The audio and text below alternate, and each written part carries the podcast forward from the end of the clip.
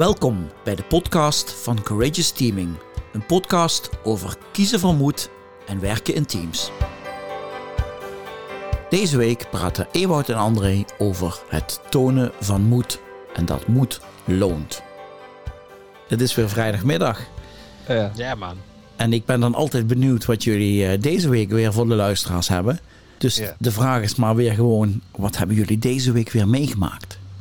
Ja. Nou man, we hebben in ieder geval eh, eh, net voordat we het weekend ingaan, eh honderden kilometers achter de rug, eh, dagen op pad geweest. En eh, dus nog voordat we het weekend ingaan, doen we nog even deze podcast. Dus dat is wel echt tof. Maar begin eens even, André, even de, de, de bekende vraag. Wat is de belofte? Moed loont. Als de wanhoop echt helemaal erbij is, dan loont de moed nog meer. Dat is Ja, mooi. Doet me ook denken aan wat we de afgelopen week ervaren hebben. Als wij het over moed hebben, hebben we het dus niet over overmoed, hoogmoed of stoer. Maar hebben we het echt een beetje over de, de, de kwetsbare, de spannende moed. Daar gaan we eens even op in. Vertel maar eens even het verhaal wat daar dan bij hoort. Dan ben ik weer even benieuwd naar de context. Patrick, de wanhoop was mij nabij. Dagen op pad met een team, Ewout en ik. Zelfs nog op de allerlaatste dag, na heel veel inspanningen, eh, dacht ik, dit gaat gewoon niks worden. Ik geloof er niet in. Ik voelde mij gefrustreerd in mijzelf. Ik voelde mij teleurgesteld in de mensen die ons het vertrouwen geven dat we ze kunnen helpen in moeilijke tijden. Dus het team zelf, maar ook de, de mensen die ons eh, aan boord hebben gebracht het gevoel dat we alles gedaan hadden wat, eh, wat we konden doen. En, eh, en, en, en nog steeds dacht ik, ja, ik geloof er gewoon niet in. En, en dat proefde ik ook her en der in het team. En ik, ik was echt, dus echt, eh echt depri. Machteloos vooral. Maar André, in mijn optiek maak je het nu even heel zwaar. Wat ervoer jij waarvan je dacht, hé, hey, dat lukt maar niet? Ja, het waren veel dingen tegelijk. Dus misschien dat ook.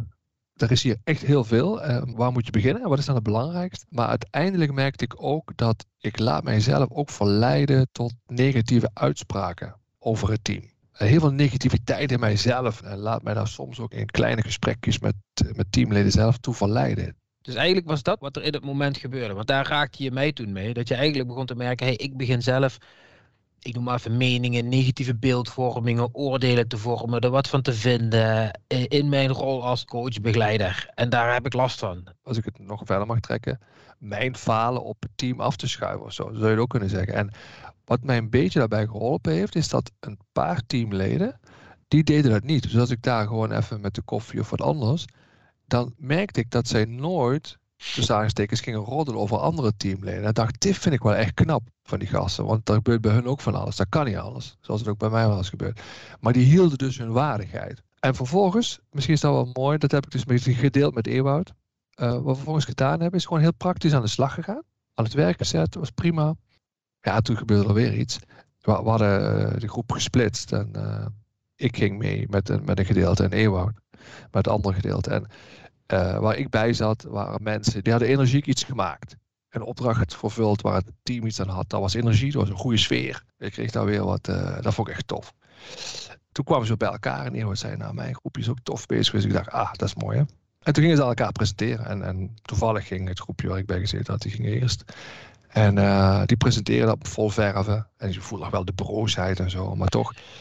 Ja, en wat er gewoon vervolgens gebeurt, Patrick, is dat wordt eh, echt helemaal afgefakkeld. Ja, eigenlijk is de basis van de rest van de groep eh, die er niet bij was, dit is gewoon echt, het is, dit is gewoon niks. En toen dacht ik, ja, nu ben ik er klaar mee. Toen zei ik wat er met mij gebeurde. Dat ik het zo ontzettend jammer vond dat er geen waardering is voor hetgeen aangemaakt is. En het gebrek aan waardering. En dat mij dat erg wanhopig maakt. Los van boos, wanhopig, maar ook verdrietig. En dat ik echt gun dat dit anders wordt. Ja, want deze podcast die heeft een thema met moed. Dus er moet iets gebeurd zijn waar iemand moed heeft getoond. En het kan zijn dat jij dat bent door dit op tafel te leggen. Of iemand anders heeft moed getoond. Patrick, vanuit mijn perspectief, dit is wat ik ervoor. We rijden terug naar huis, we zitten in de auto met z'n tweeën en we zitten daar erg positief. Tevreden over wat we, wat we gerealiseerd hebben. En ik vraag aan André, goh, wat maakt dat je hier zo zit? Dat we hier met dit gevoel naar huis rijden. En hij refereert terug aan dat moment. Dat was ontzettend spannend. Dat was moedig. dat was kwetsbaar neerleggen. God, dit gebeurt er met mij als ik dit in jullie groep zie gebeuren.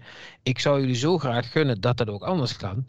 En het sloot aan bij iets wat ook binnen die groep speelde. Dus in mijn ogen, en dat was het mooie, André had daar kunnen kiezen. Eigenlijk een beetje de, de kant van de angst was. Ik benoem het nu even niet. Ik ga de groep ook niet voorleggen. Ik vermijd het. En hij koos ervan, nou nu ga ik er zelf eens even betekenis aan geven aan wat mij gebeurt. En dat opende bij die groep eigenlijk ontzettend veel. Want op dat moment viel bij hun het kwartje. Daarna presenteerde de groep waar ik bij gezeten had hun voorstel. En werd het ook direct, merkte je, werd het overgenomen. Zij waren daarna in staat, eigenlijk wat wij hopen dat groepen vaak gaan doen, eerst eens even te benoemen. Goh, dit en dit, heel concreet in jullie voorstel spreekt ons aan. En hier hebben we nog een paar vragen over hoe kunnen we dit misschien nog toevoegen? Of hoe kunnen we dit misschien nog, nog verbeteren? En er was een totaal andere dynamiek ontstaat er daardoor in die groep. In dit geval was het André die, wat mij betreft, de moed toonde. Waardoor en de groep in een andere sfeer terechtkomt. En wij naar huis rijden met een, met een, met een gevoel van hier hebben we echt even toegevoegde waarde kunnen brengen.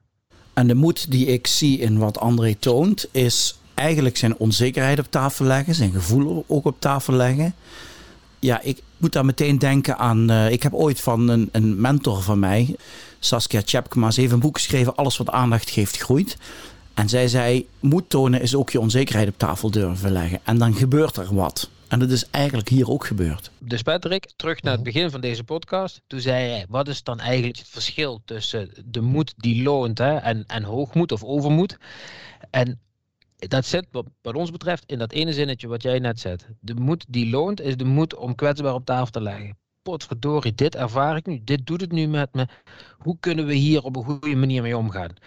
De hoogmoed is er bij wijze van spreken van alles van vinden zonder dat je daar zelf een rol in speelt of je eigen kwetsbaarheid op tafel te leggen. Daar ga je er allerlei oordelen van vellen. Ja, ik heb het toch gezegd, dat is de hoogmoed, de overmoed.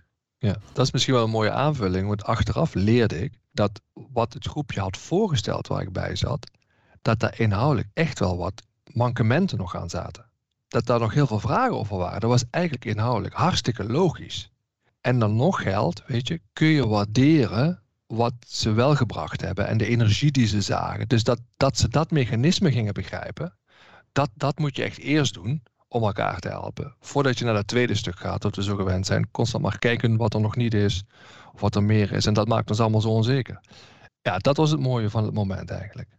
Ewo en André, mag ik eens wat op tafel leggen hier? Want ik heb uh, afgelopen week gezien op televisie hoe Marco van Basten uh, tijdens het beschouwen van een voetbalwedstrijd iets zegt over de licht, dat hij niks heeft geleerd in Italië. Waar de licht erg volwassen op antwoord. Voor mij toont hij hier ook enorme moed. Door gewoon te zeggen dat hij daarna gaat kijken en hij kan er natuurlijk ook anders op reageren. Is dat voor jullie ook moed? Wat de licht doet, Vind ik is weergaloos knap. Wat een gast, hé.